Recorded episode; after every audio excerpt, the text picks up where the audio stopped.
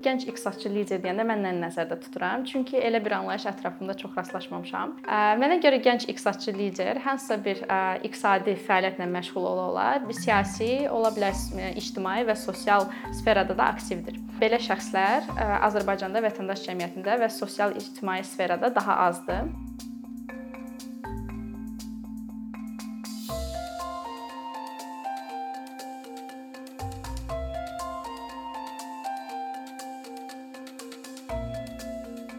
Məsələn, hüquq oxuyan, jurnalistika oxuyan və yaxud da başqa sosial politologiya oxuyan tələbələr bir qismi hansısa sosial ictimai məsələlərdə iştirakçılığı daha çox ola bilər. Məsələn, biz bunu məqalələrdə görə bilərik, mediada onların çıxışlarında görə bilərik, hansısa təşəbbüslərin başında durmasında görə bilərik, amma iqtisadçılar arasında bu tendensiya baş vermir. Və mən özümə görə bunu iki istiqamətə bölürəm. Birincisi struktural baryerlər və təbii baryerlər. Təbii baryerlər adlandırdığım daha çox bir insanın nəinki vətəndaş cəmiyyətinə yönəlməsi, həmçinin iqtisadçı kimi formalaşmasında olan baryerlərdir. Məsələn, bir şəxs hər hansı bir sosial elm tutalım ki, yenə hüquqşünas deyək. Məsələn, bir hüquq oxuyan şəxs 4 ilin sonunda bilir ki, o hansı peşəyə yönələcək. Yəni o bilir ki, 4 ilin sonunda hansı aşağı-yuxarı, hansı servislər göstərəcək, hansı fəaliyyətlərə istiqamətlənib öz həyatını bir növ qura biləcək. Amma iqtisadiyyatda bu belə deyil. Yəni 4 ilin sonunda bir fərd hansı ki iqtisadiyyat oxuyur, o bilmir ki, harda işləyə bilər, ümumiyyətlə hansı fəaliyyətlə məşğul ola bilər. Çünki o bir sahədə ixtisaslaşa bilmir.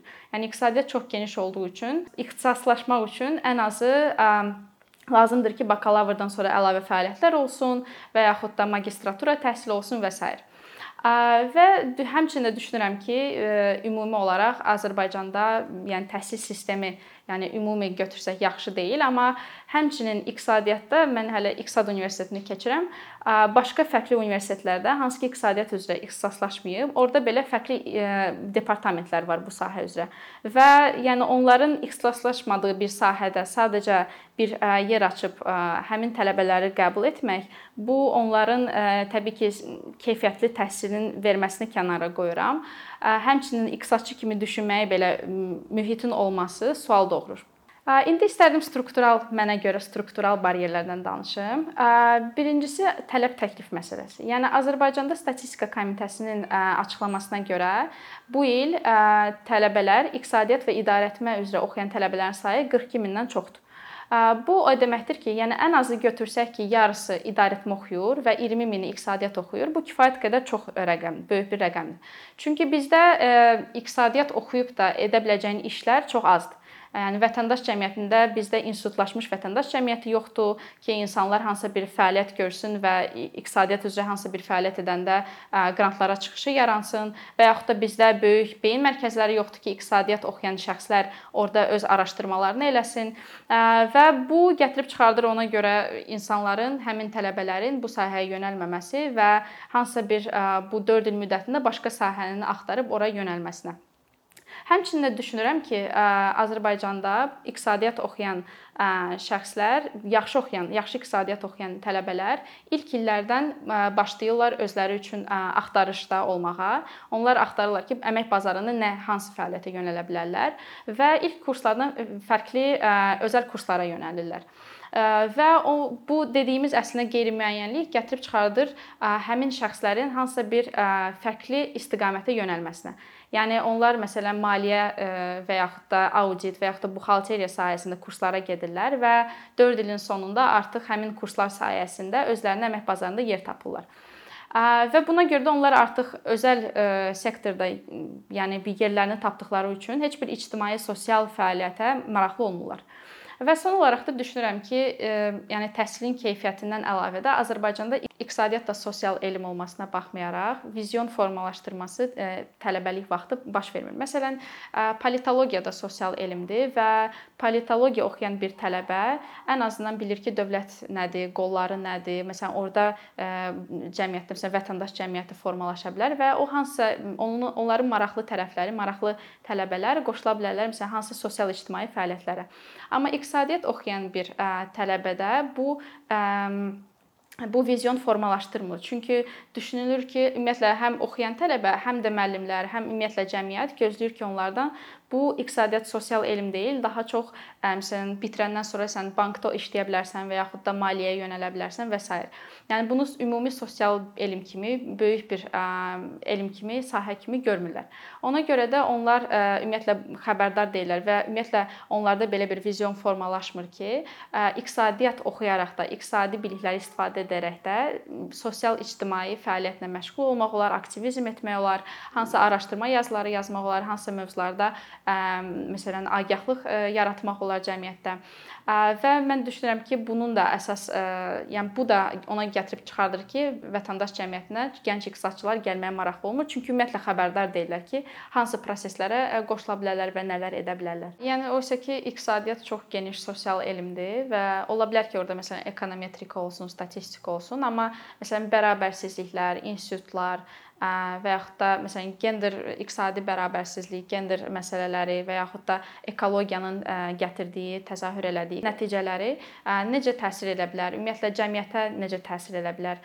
Tələbələrə bu istiqamətlər də təbliğ olunsa, onlara maraqlı ola bilər ki, bəziləri bu tipli sahələrə yönəlsinlər və öz istiqamətlərini o sahədə davam etsinlər. Mən ümumi baryerlərdən danışdım ki, bir gənc iqtisadçı, iqtisadiyyat oxuyan tələbənin iqtisadçı kimi formalaşması və vətəndaş cəmiyyətinə yönəlməsində hansı e, baryerlər mövcuddur? Ancaq belə bir sual yarana bilər ki, ümumiyyətlə bizə vətəndaş cəmiyyətində belə sosial-ictimai yerlərdə hansısa bir fəaliyyətdə iqtisadçılar lazımdırmı? Mən yenə də burada öz fikrimi qeyd etmək istərdim, çünki elə bir data yoxdur təəssüf ki. Birincisi, niyə görə bizə lazımdır iqtisadçılar vətəndaş cəmiyyətində?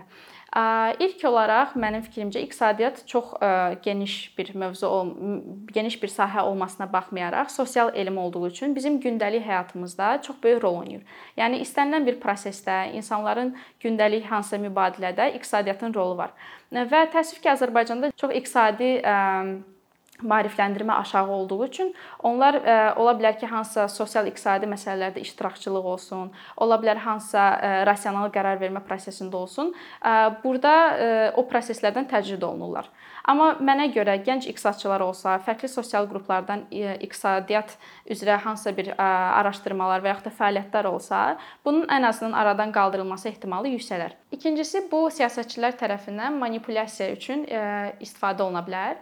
Məsələn, bizdə çox aktual bir iqtisadi arqument var ki, uşaq pulu verilsin və heç vaxt bunun sorğusu olunmur. Yəni cəmiyyətdə həmişə deyilir ki, hə, okey, uşaq pulu verilməlidir və insanlar da məsələn bu siyas siyasətçilər hansı ki, bu məsələni qabardırlar, o populist çıxışlar sayəsində insanlar tərəfindən rəğbət qazana bilərlər.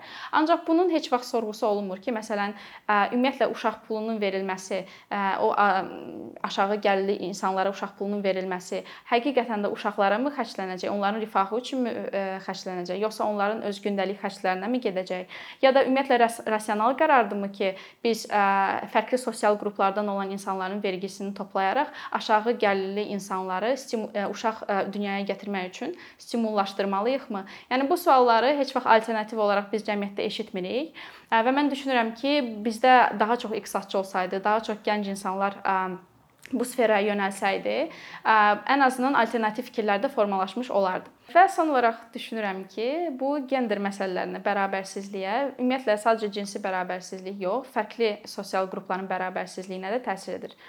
Çünki Azərbaycanda belə bir dedik ki, vərdiş yoxdur. İqtisadçılar gəlsin və hansısa sosial-ictimai fəaliyyətlə məşğul olsun və bu o deməkdir ki, heç bir sosial qruplardan bu tendensiya formalaşmır və həmin şəxslərin, həmin qrupların nümayəndələri hansı ki ola bilərdi bu prosesdə, onlar e, bu iştirakçılıq məsələlərində hansısa e, yazıların yazılmasında iştirak etmirlər. Artıq onda da sual doğurur ki, bizdə Azərbaycanda hal-hazırda olan araşdırmalar nə qədər inklüzivdir, nə qədər cəmiyyətin bir çox e, hissələrinə əhatə edir, nə qədər gender inklüzivdir və yox. Çünki ümumiyyətlə biz qadın iqtisadçıları ətrafda görmürük, ümumiyyətlə hansısa bir fəaliyyətlərdə onları görmürük, iştirakçılıqların barəsində eşitmirik. Elə bizim təşkilatımız Young Economist Network buna fokuslanır. Biz istəyirik ki, Azərbaycanda gənc iqtisadçılar sosial-ictimai fəaliyyətlərə yönəlsinlər və bu prosesdə iştirakçılığı artsın. Həmçinin biz çalışırıq ki, gender bərabərliyini də bu prosesdə qoruya bilək. Düzdür, biz mən dediyim, sadaladığım bir çox baryerlərə, struktural baryerlərə biz fokuslana bilmirik, çünki bu bizim fokusumuzun kənarındadır. Amma ən azından biz çalışırıq ki, bu sferada da rol modellər çoxalsın, fərqli sosial qruplardan iştirakçılıq artsın, gender bərabərliyi ən azından təmin olunmaq istiqamətində yönəlsin ki, Azərbaycanda da bu iqtisadi məsələlər daha inklüziv, daha düzgün şəkildə müzakirə olunsun və Azərbaycanda cəmiyyətdə də daha çox alternativ fikirlər olsun. Thank